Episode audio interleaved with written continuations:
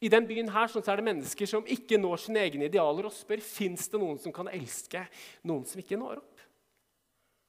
I den byen her så sitter det mennesker som er ensomme, og som lurer på om de skal dø ensomme. Og så er vi her. Guds ører, Guds munn, Guds armer, Guds ben. Og så bor vi i samme oppgang som dem. Vi bor i samme kvartaler som dem, vi er naboer med dem.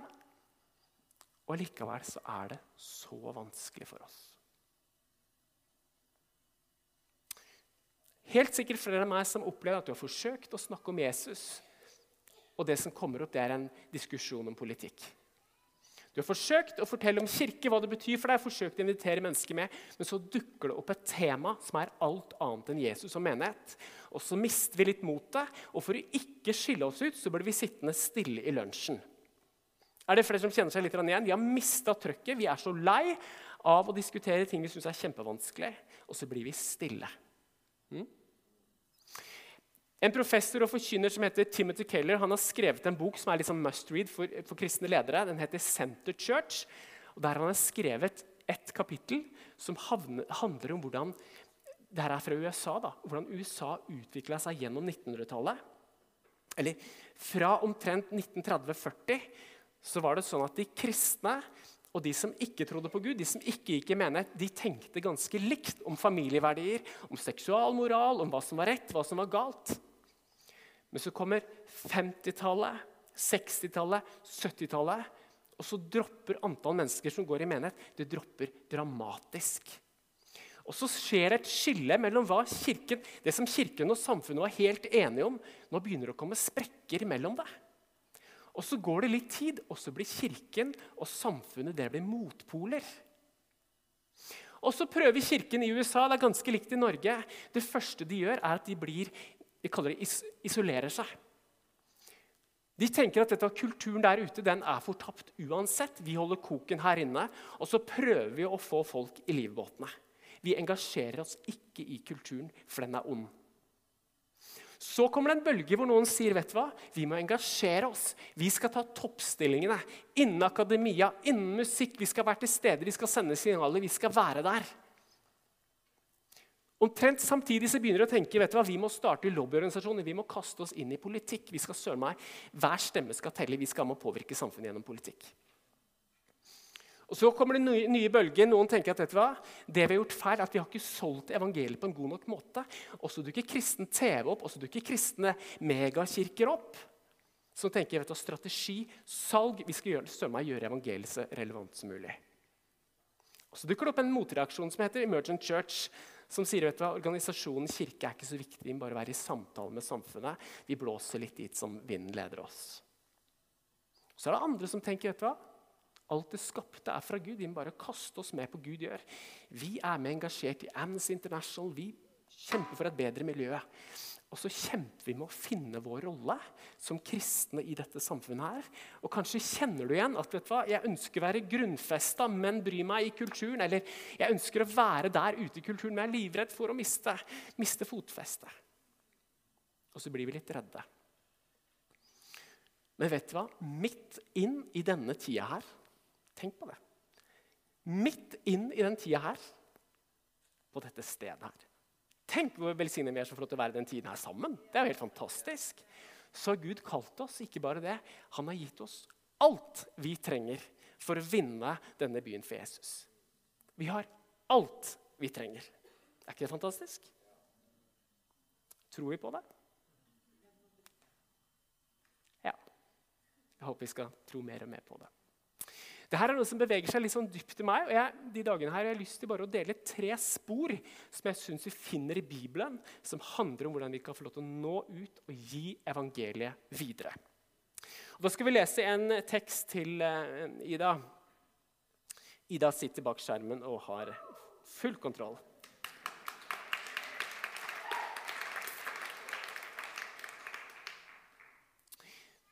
Ok, Vi er i Matteus 9,35, og der står det sånn Jesus vandret nå omkring i alle byene og landsbyene. Han underviste i synagogene deres, forkynte evangeliet om riket og helbredet all sykdom og plage. Og Da han så folkemengden, fikk han inderlig medfølelse med dem, for de var forkomne og hjelpeløse, som sauer uten gjeter. Da sa han til disiplene sine, høsten er stor, arbeiderne få. Jesus går i byer og landsbyer og møter folkemengder.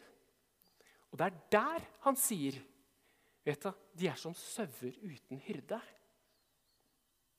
Han bryr seg om det, men fokuset her var liksom ikke sånn Betel i Bærum trenger ny pastor, eller at Sion Molde trenger ny pastor. Han så folkemengden, og så ble han brutt i hjertet over folkemengden og sier at denne byen trenger hyrder. Vi må be fram hyrde for denne byen.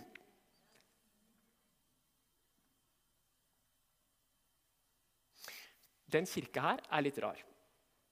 Jeg og ledersteamet her er i hvert fall sånn delvis, vi er pinsevenner. Denne kirka har en pinseteologi. Men så har vi kobla oss opp mot et relasjonelt nettverk i IMI-kirken. IMI-bevegelsen kaller vi det. Så det her er liksom barnet. Hvis pinsebevegelsen og IMI-bevegelsen fikk barn, så er det, det er oss. Og i det møtet eh, Jeg møtte IME-bevegelsen mye senere enn jeg, jeg har vært en del av pinsebevegelsen alltid. Så var det noen nye ting som jeg måtte lære meg. I pinsebevegelsen har vi store ord. Der snakka vi om liksom, 'changing the world'. Ta byen din, start revolusjon. Eh, ikke sant? The sky's the limit. Og vi bruker store ord, og det er trøkk. Og det er veldig bra. Og så møter vi disse rogalendingene borte i Stavanger. vet du. Og de snakker om liksom, kanskje du skal spandere en kaffekopp på naboen din. Eh, og det føltes litt liksom sånn Porsche møtte Fiat. Litt sånn eh, Litt krevende å ta til seg, ikke sant? Denne kaffekoppen. Men så har vi jo funnet ut at dette er kraft i godhet. Godhet kan bryte ned murer. Kanskje er det noen av dere som kjenner på dette. I'm called to change the city. og det, åh, jeg ber om det. Liksom, hvis vi gjennom godhet kan, kan innta byen, så er det ingenting bedre enn det. Men det er kraft i godhet. Og vet du hva, Midt i denne kulturen som vi lever i nå, hvis det er jeg som går på sykebesøk til denne personen, og jeg er den eneste som går på sykebesøk fordi alle andre glemmer han, så bygges det faktisk noen broer til meg. Og Hvis det er du som oppmuntrer de på jobben din, alltid som ser de, så brytes noen murer til deg. Hvis det er du som legger hånda på de syke, og de blir helbreda, så vil de ha mer. Og Hvis det er du som er der når livet deres begynner å gå opp i liminga, så bygges det vennskap. Og folkens, vi har ingen tid å miste. Og vet du, det er jo ikke synd på oss. Vi vet jo hvordan denne historien her slutter. En dag skal alle knær bøye seg. En dag skal alle forstå at Gud er Gud. Så det er jo ikke synd på oss. Vi må bare bruke tida godt. Og Gud ber om at det skal reise seg flere hyrder i byen vår. Flere lokale pastorer rundt omkring. Jeg har en god venn og et forbilde. Thomas, kan ikke du komme fram? Han er uh, selvutnevnt pastor i Norvik Nordvik og Partners.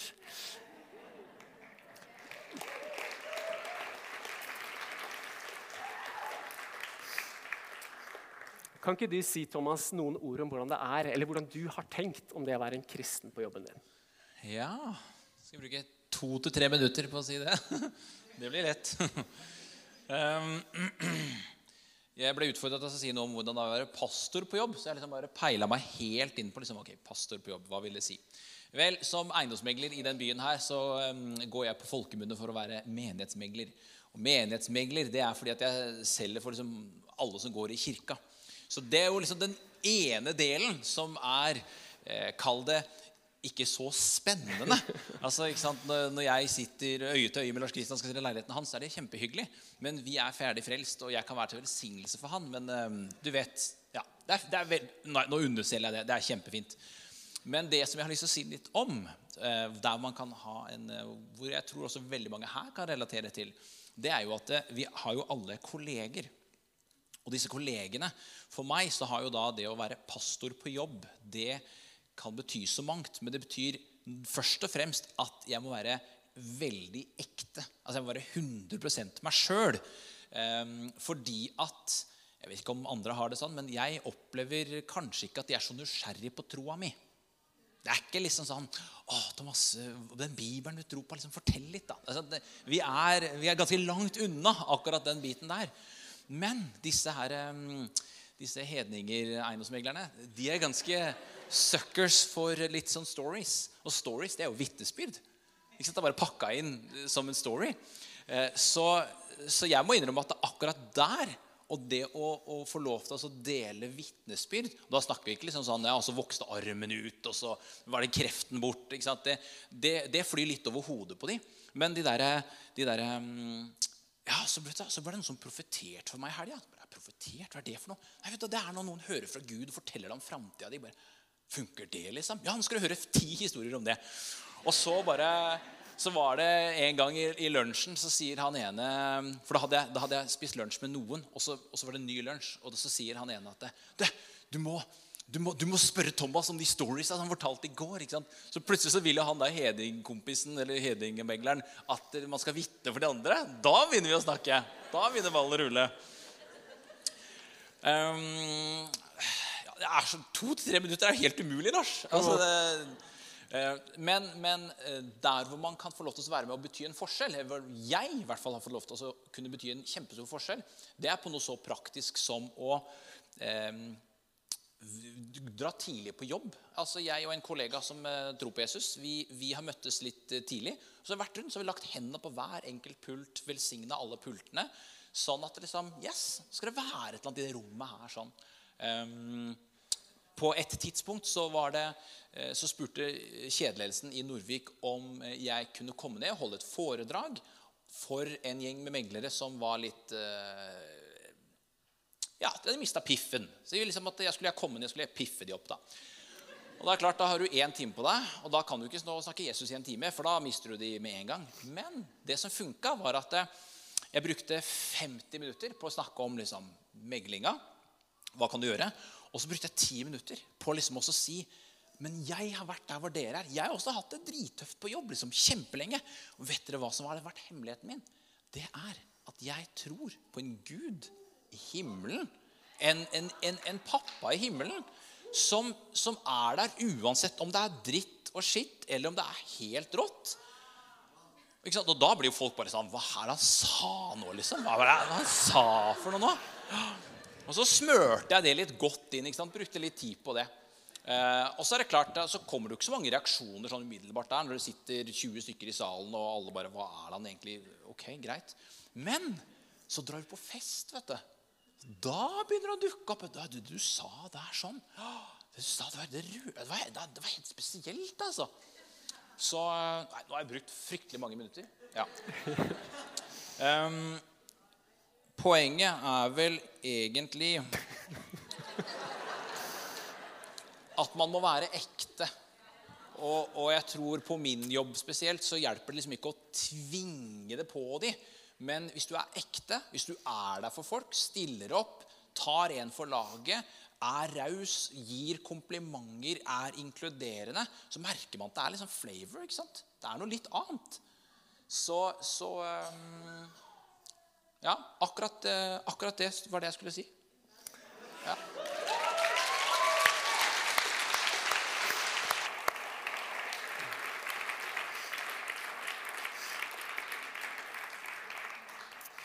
Jeg har spurt Thomas mange ganger om han har lyst til å preke. Og så sier han at jeg er ikke helt klar ennå, men jeg syns det begynner å nærme seg. Thomas. Jeg har lyst til å få fram Tor Erik Drangsland. Han tok sjansen på å flytte til Bærum og dra på misjon dit. Kan ikke du eh, klappe han fram? Hent den der borte. Kan ikke du si litt, eh, Tor Erik, om uh, hvordan du ønsker å prege området der du bor? Det også Misjonsreise til Bærum var vel å dra på litt. føler jeg. en misjonsmark er det. Ja, ja, ja. Men jeg må bare si Du sa er det noen som elsker søndager. Jeg må si, For meg så har det vært ukas nedtur fra jeg vokste opp. Søndager var synonymt med alt du kunne tenke deg som var kjedelig, putta inn i én dag. Det var før. Ja. så det var i hvert fall ikke plass for en som var skater og metallhue og glad i andre ting. Eh, men Jesus hjerte. Ja, eh, Jeg og kona mi vi flytta fra Oslo i 2004. Og vi var litt usikre på hvor vi skulle. Eh, så kjente vi at vi var kalt til Bærum. Høye hekker, tuja, og ikke snakke med noen, krangle med tre. Alt dette her var jo vår store angst. Men så bare fikk vi en ro på at det, bare vær dere selv. Bruk de gavene, de talentene du er utrusta med, og så, og så, skjer det ting av seg selv. Så flytta vi ut til Bærum, og vi satte ikke opp noe hekk. Vi satte ikke opp noe gjerde, men vi satte opp en lekegrind og huskestativ og alt dette greiene her. Og det endte jo opp med at vi blei jo kjent med stort sett alt som rører og går på Nedre Høvik. Så det var veldig kjekt. Og da kom vi mye gode samtaler med folk etter hvert. Vi var med på fester med naboer, vi var på metallkonserter, vi var og surfa sammen. Vi gjorde alt som var vanlig, delte livet. Men så skjedde det ingenting. Vi kjente liksom på det. Hvor lenge skal vi gå her og bare elske våre neste, være glad i naboene og vise nestekjærlighet og alt dette? Men når skal vi begynne å få snakka om Jesus? De eneste gangene det skjedde, var jo godt utpå kvelden hvor folk hadde drukket litt mye. Og så var det sånn Ja, du, det med den troa di, kan du fortelle litt hva det er? Jeg er så glad i deg, vet du. Og det blei jo stort sett bare litt sånn fjåsete opplegg. Men, eh, men, så hadde vi en opplevelse for to år siden eh, hvor vi var på telttur med broderen og svigerinna mi Monica og diverse barn. Eh, det var en eneste stor flopp. Eh, jeg følte meg som den mest patetisk dårlige daddyen som du kan tenke deg. Alt var feil. Eh, vår da fireåring hadde ikke sovepose som funka, for den åpna seg. Glidelåsen var ødelagt. Eh, kona mi frøys, jeg frøys, og ingenting funka. Og jeg hadde gitt bort varmejakka mi til broderen så ikke han skulle fryse. Så den natta, Jeg, var, jeg blei så åndelig angrepet den natta at jeg lå der og hadde suicidale tanker. Jeg satt og tenkte hvordan kan dette livet ta slutt? For nå orker jeg rett og slett ikke mer. Og så sier jeg det her til kona mi i fortvilelse dagen etterpå. Så sier hun vet du hva, det her er så rart du sier, for jeg hadde den nydeligste natta noensinne. Det var så sterkt. Gud møtte meg, jeg bare fikk lov til å ligge og bare nyte hans nærvær. Og så, du, du lå en halvmeter unna meg, og jeg sitter og kjenner på alt dette mørket. Og så sier hun det. Tor Erik, jeg var kjent på det at det, herre, nei, gleden i Herren, det er din styrke. Og Det er noen enkle ord, men for meg så forløste det noe. Og det handler om det som jeg var litt inne på innledningsvis. nettopp at det, Gud har gitt de talentene, de eh, interessene og egenskapene du er utrusta med, nettopp fordi at du skal få lov til å glede deg over det. Du skal få lov til å sykle utfor og glede deg over det. Du skal få lov til å spille gitar og hygge deg med det og glede deg over det. Det er noe fint, hele greia. Og nå i det siste så har det begynt å skje så mye ting. For du har jo fått de egenskapene, de talentene, for at du skal bruke dem. Og begynn å bruke dem. Bare ta det lille steget. For Gud han er med deg hele tiden, og han lar deg ikke ta det steget hvis du ikke er klar for det. Så jeg har bare kjent det at eh, tør å gripe muligheten når du er der med naboene. Jeg satt nå for eh, halvannet år siden med en av mine beste naboer. Ikke-kristen som sådan, men en veldig fin type. Etter en eh, røff sykkeltur. Så har vi spilla sykler, og så satte vi oss ned i kjelleren for å ta en afterbike, altså en øl. Eh, og vi satt og hørte på kvelertak, og det var god stemning. Eh, og jeg måtte på do. Løpte opp, og så kjenner jeg noe, altså nesten bokstavelig noe Gud pirker meg på skulderen. Da sier han, Torek, nå er muligheten din. Nå er det et sånn hull i frykten. Nå skal du bare fortelle til Pål at Gud elsker deg, og du kan bli satt fri for de der nakkeplagene. Så gikk jeg ned og tenkte oh, dette er spooky. Nå sitter vi og hører på kvelertak og har det godstemning. Og så sier jeg til Pål du, Pål, jeg vet du er plaga med nakkegreiene, og du vet jeg også er kristen. Kan jeg få lov til å be for den eh, nakken din? Og da tenker jo jeg i meg at å, han sier jo nei, og det blir dårlig stemning, og alt som du kan tenke deg. Og vet du hva han sier? Svært gjerne, Tor Erik. Så reiser han seg opp med ølen i den ene hånda og lukker øynene sine. Og jeg får stå der og be for han i en halvtime. Og vi eh, deler vitnesbyrd om broderen, og vi blir sittende og kutte kvelertak en periode. Høre på The Blessing med Carrie Job. Og Og, og så blei det Det her har endt opp med at vi ber for hverandre. Han er med og ber for meg, til og med. Eh, og, eh, så det er en sterk vei. Men poenget kommer jeg aldri fram til, samme som deg, Thomas. Men vær deg selv, bruk det, og vær der for de neste. Du kan fortelle kjapt om sykliaden. Sykliaden kjapt. Det går ikke an å si sånt. Sykliaden ja, det, er jo, det er jo ikke vi som har funnet opp det. Men min fru er veldig engasjert i noe som heter Sykliaden, som vi har arrangert nå flere år på rad. Som handler om at uh, de som er med på dette, får en lapp. De får en beskjed om hvor de skal møte til forrett. Da eh, er det fem par som møtes hjemme hos noen. Man deler et måltid, forretten da. Så får man en ny beskjed om hvor man skal reise etterpå til hovedrett. Og så er det dessert, og tilsvarende samles alle. Og det handler om å dele livet. Man skal sitte og snakke om seg selv og hva man bryr seg om, og tro, karriere og alt mulig. Det er så nydelig. Det er så nydelig. Tusen takk, Tor Arne. Jeg kan ikke være kortere. Nei, det var nydelig.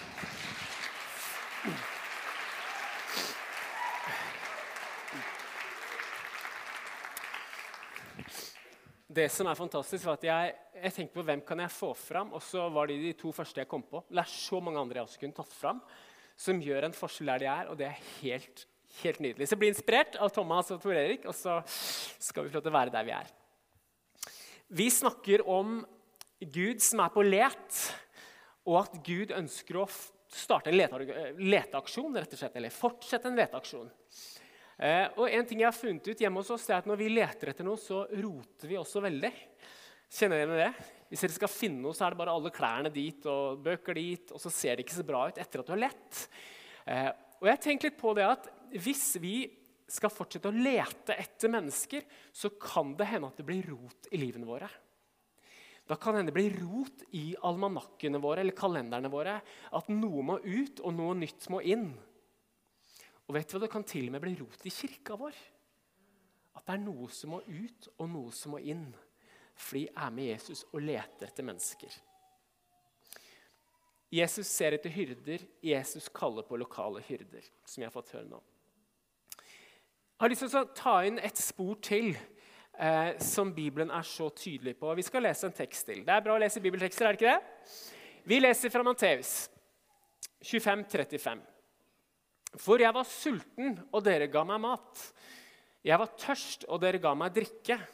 Jeg var fremmed, og dere tok imot meg. Jeg var naken, og dere kledde meg. Jeg var syk, og dere så til meg. Jeg var i fengsel, og dere besøkte meg. Da skal de rettferdige svare, Herre, når så vi deg sulten og ga deg mat, eller tørst og ga deg drikke? Når så vi deg fremmed og tok imot, eller naken og kledde deg? Når vi så deg syk eller i fengsel og kom til deg? Kongen skal svare dem, sannelig, sier dere. Det dere gjorde mot en av disse mine minste søsken, har dere gjort mot meg. Det er Jesu ord. Det står i Romerne 2,11 at Gud ikke gjør forskjell på folk. Men jeg tror allikevel at Gud kan ha noen favoritter.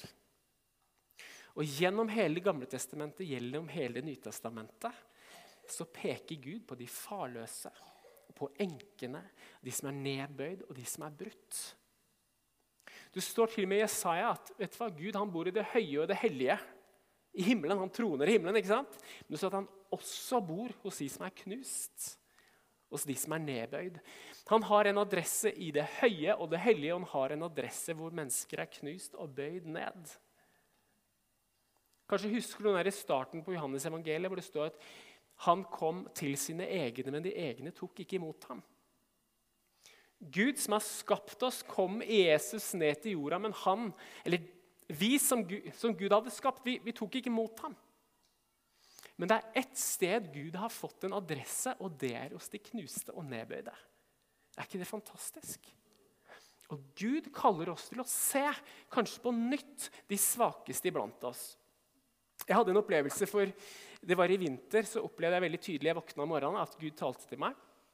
Det er ikke så ofte jeg sier at jeg opplevde tydelig at Gud talte til meg, men da opplevde jeg veldig tydelig.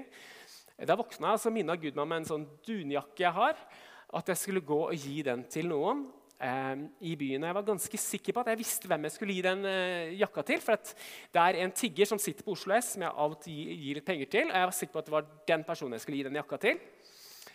Så jeg står opp og så går jeg inn i boden og så finner jeg denne jakka. Det her er sånn intenst varm jakke som du bruker tre ganger i året når det er iskaldt. Og det her var iskaldt i januar. Og Så finner jeg den jakka, så stapper jeg den opp i en pose, og den posen sprekker. og Så stapper jeg den opp i en bag, og så drar jeg til Oslo S.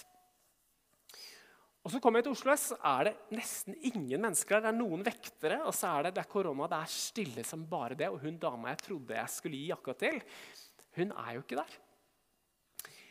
Og så går jeg rundt med denne svære jakka og så begynner jeg å lure på Gud, hva er, du, hva er det du mener.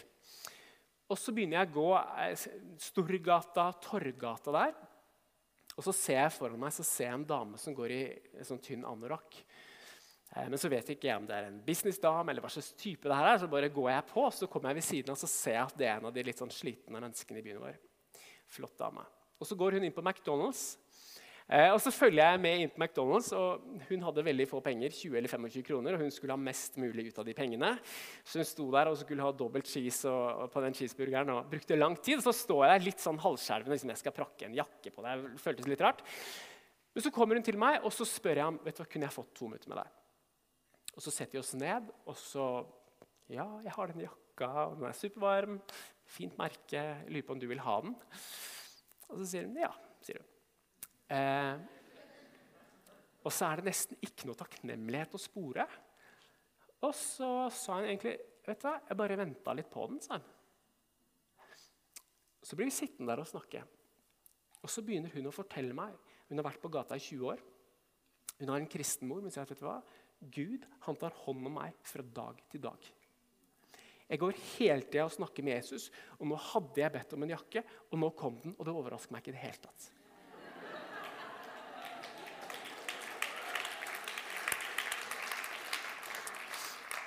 Og Så sitter hun og snakker om hvordan Gud forsørger. og Hun, hun ber hver dag om å bli satt fri, men har vært avhengig i 20 år. Jeg går derfra, så tenker jeg til deg, hun er en søster i Herren. altså.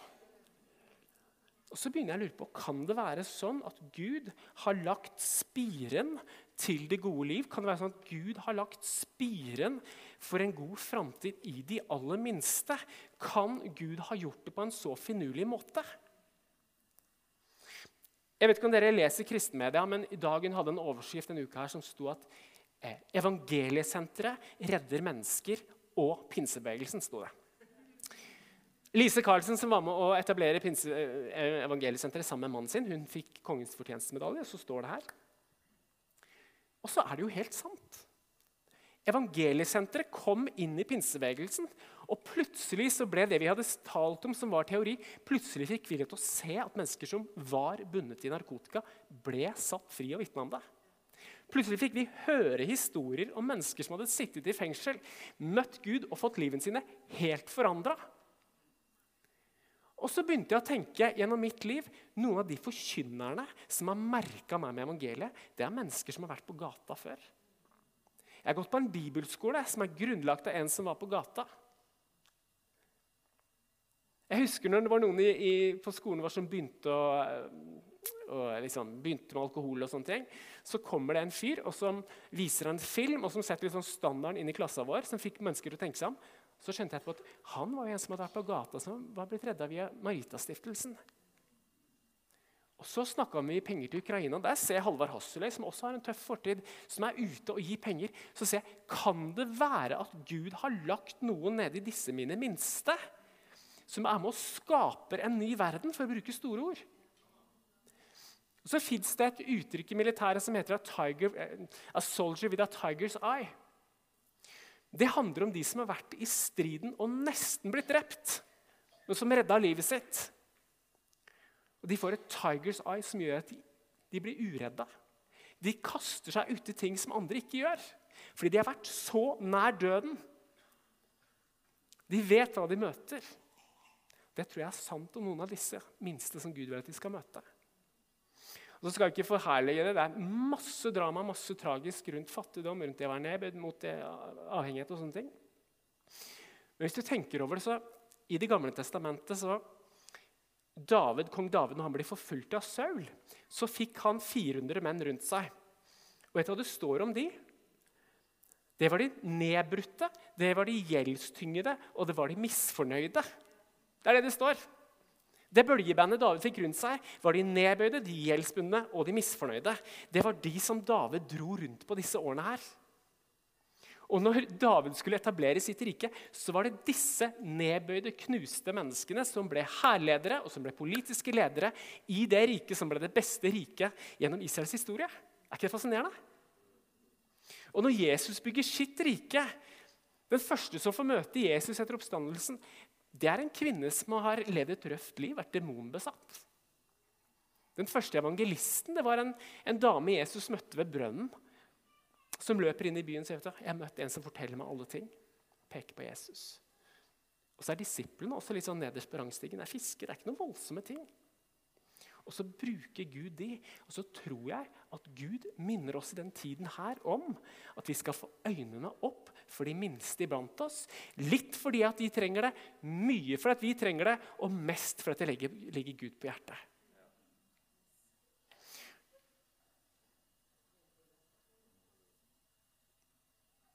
For, eh, for eh, Man kan jo også tenke hvem er de, disse minste? Det må jo ikke være de på plata.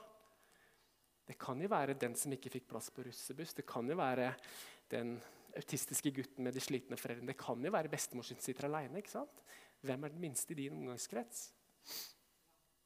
Men så er det også sånn at vi ikke bare har oppmuntringens nådegave iblant oss. Vi har fått kraft. Vi har fått profetiske ord vi kan gi. Vi kan få lov til å sette mennesker fri.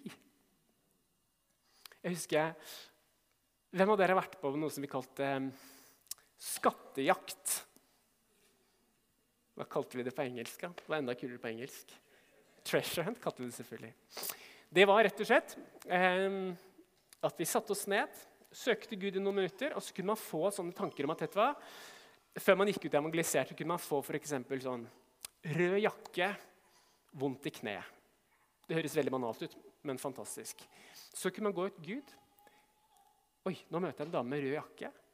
Nå spør jeg helt konkret har du vondt i kneet ditt, og så ber vi for det kneet. En kveld, en av de første kveldene jeg gikk ut sånn, så gikk jeg sammen med en jente som het Anette Stokke. Og så hadde vi skrevet ned hadde vi fått seks sånne forskjellige ting. Vondt i kneet, rar lue, eh, skilsmisse, gammelt ektepar, sånn og sånn. Og vet du hva? Vi gikk på, og når vi hadde kommet til 5.5, så hadde vi naila fem av fem. Det var rygger som var helbreda, det var knær som var helbreda. Vi fikk satt ord inn i inn i vanskelig samliv. Og vi så på hverandre at det er akkurat sånn det funker, det vi tror på. Og så var vi supergira. Og så, Det siste punktet det var at vi hadde fått ordet 'død' og en bardisk. Og det er noen bardisker i Oslo. Men så følte vi oss leda til Smuget. Jeg vet ikke om det utestedet fins lenger. Men det var et ganske hipt sted en gang. I gamle dager. Og så hadde vi fått ordet 'død' og 'bardisk'. Og Så satte vi oss ved den bardisken og så så vi liksom, kommer det noen med et sånn dødninghode på armen. Eller kommer et skjelett? Eller hva skjer? Men så tar hun andre som var med på, som har ikke mer frimodig enn meg, så spør hun bartenderen. Og så sier hun hva, vi sitter her, vi tror vi har hørt fra Gud, og vi har fått ordet 'død'. Vet du om noen liksom, i, som jobber her, noe sånn som, som, har opplevd å miste noen? Eller sånn. Eh, og så blir hun veldig stille, og så sier hun at det har jeg ikke opplevd, men jeg er gravid. Og mannen min han hater at jeg skal bære fram det barnet. Og Han er inne i det okkulte, eller vi er det egentlig litt begge to, da, men han er inne i det okkulte, og han driver og kaster forbannelser over det barnet. Så hun gikk livredd rundt for at det barnet skulle dø. Og så fikk vi lov til å be for det. Eh, aldri møtt henne ved siden, aner ikke hvordan det gikk, men hun fikk en sånn liten luke fra himmelen om at Gud så henne. Og vet dere hva som er noe av det mest fantastiske med den kirken som du er en del av nå? Det er at I benkeradene i den kirken her, så fins det så mange mennesker som har blitt trent, og som har fått gaver i det profetiske. Det fins altså en underkok i denne kirken av mennesker som har blitt trent, utsatt for og utrusta til å dele, dele profetiske ord. Er ikke det sant? Mange av dere sitter her i dag. Og vet du hva? Denne kirken ønsker å vokse i det. Vi ønsker å se mennesker berørt av det. Men vi vet at verden der ute roper på det. Og jeg tror det er en tid for å ta noe av dette ut på gater og streder. Noe av det mest spennende vi gjør i kirka akkurat nå, det er at vi har starta et ungdomsarbeid på Stovner. ytterst i Groruddalen. Ikke svært, ikke voldsomt, men vi har satt foten vår inn på et område i byen med masse sosial nød. Masse masse kritiske ting. Det er vold, det er narkotika, det er tøffe ting. Men vi har satt foten vår der, og vi er spent på hva Gud ønsker å gjøre der. Og kanskje til høsten flere av dere har lyst til å være med der og se at Guds rike kommer og møter disse menneskene som ikke har hørt mye om, om Gud. Gud ønsker at vi skal se de minste. Jeg skal runde av raskt med å si noe om det siste, som også ligger meg litt på hjertet, som, som handler om ny kreativitet, har jeg fått et ord på.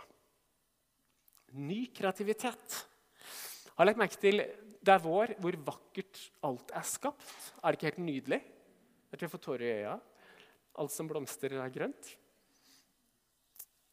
Og så står det at vi er skapt i Guds bilde. Er det én ting vi vet, det er at Gud er skaper. Og hvis vi er skapt i hans bilde, så er vi skapt til å skape. Vi er skapt med skaperevner hvis vi er skapt i hans bilde.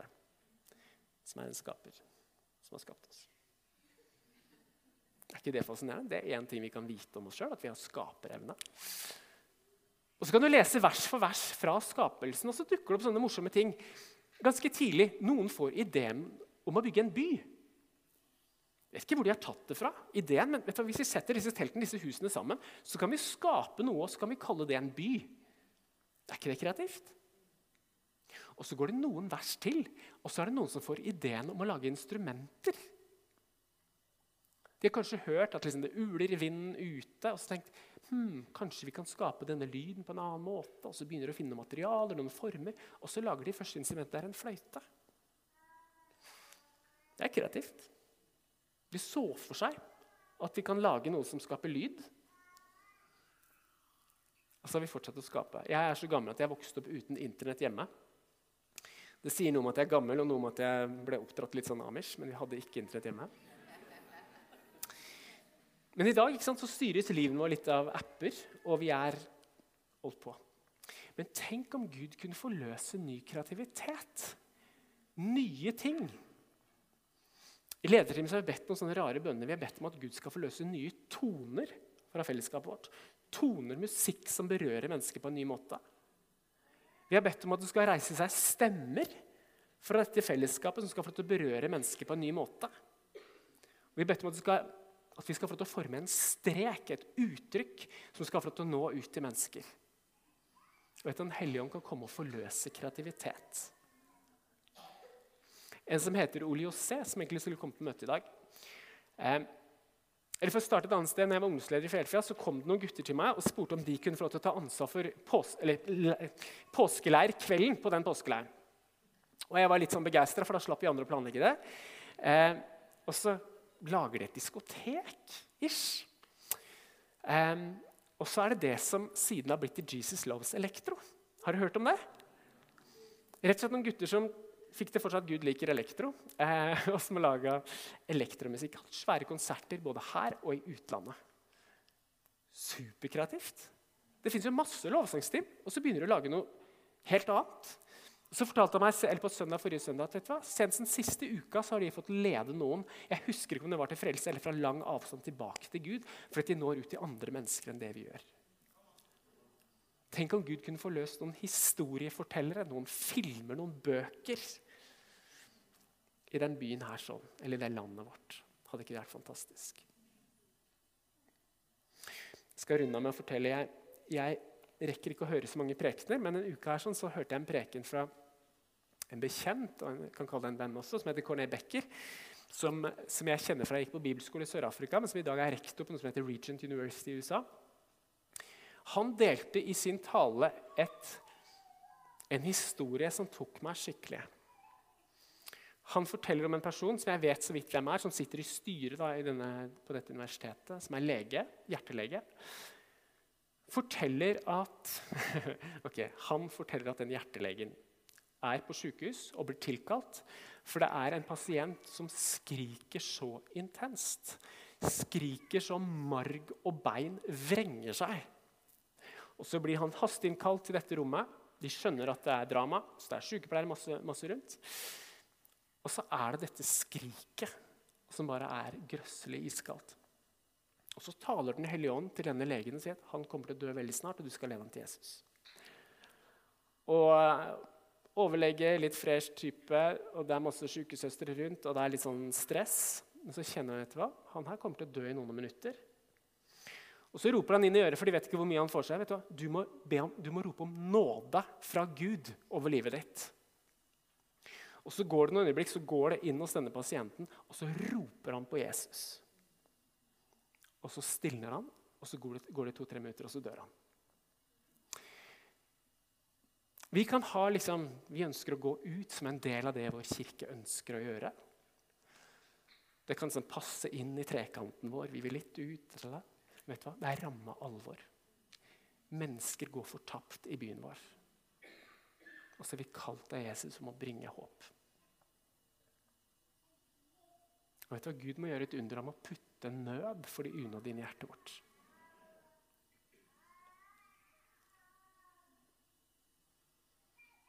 Skulle vi gjort det litt annerledes? Skulle vi, skulle vi tort også um, Du behøver ikke, kanskje har du lyst til å sitte litt alene i stillhet, men kanskje skulle vi gått i noen grupper der vi sitter. Og så skulle vi få lov til å be for hverandre at Guds hjerte for de som ennå ikke tror, at det skal få lov til å treffe oss. At vi skal bli forandra, at vi skal få lov til å være med Han på misjon. Jeg er ikke så glad i det ordet 'sendt', men vi er invitert til å være med Han. på det han gjør. Skal vi reise oss opp, så kan vi få lov til å gå og be i grupper. rett og slett.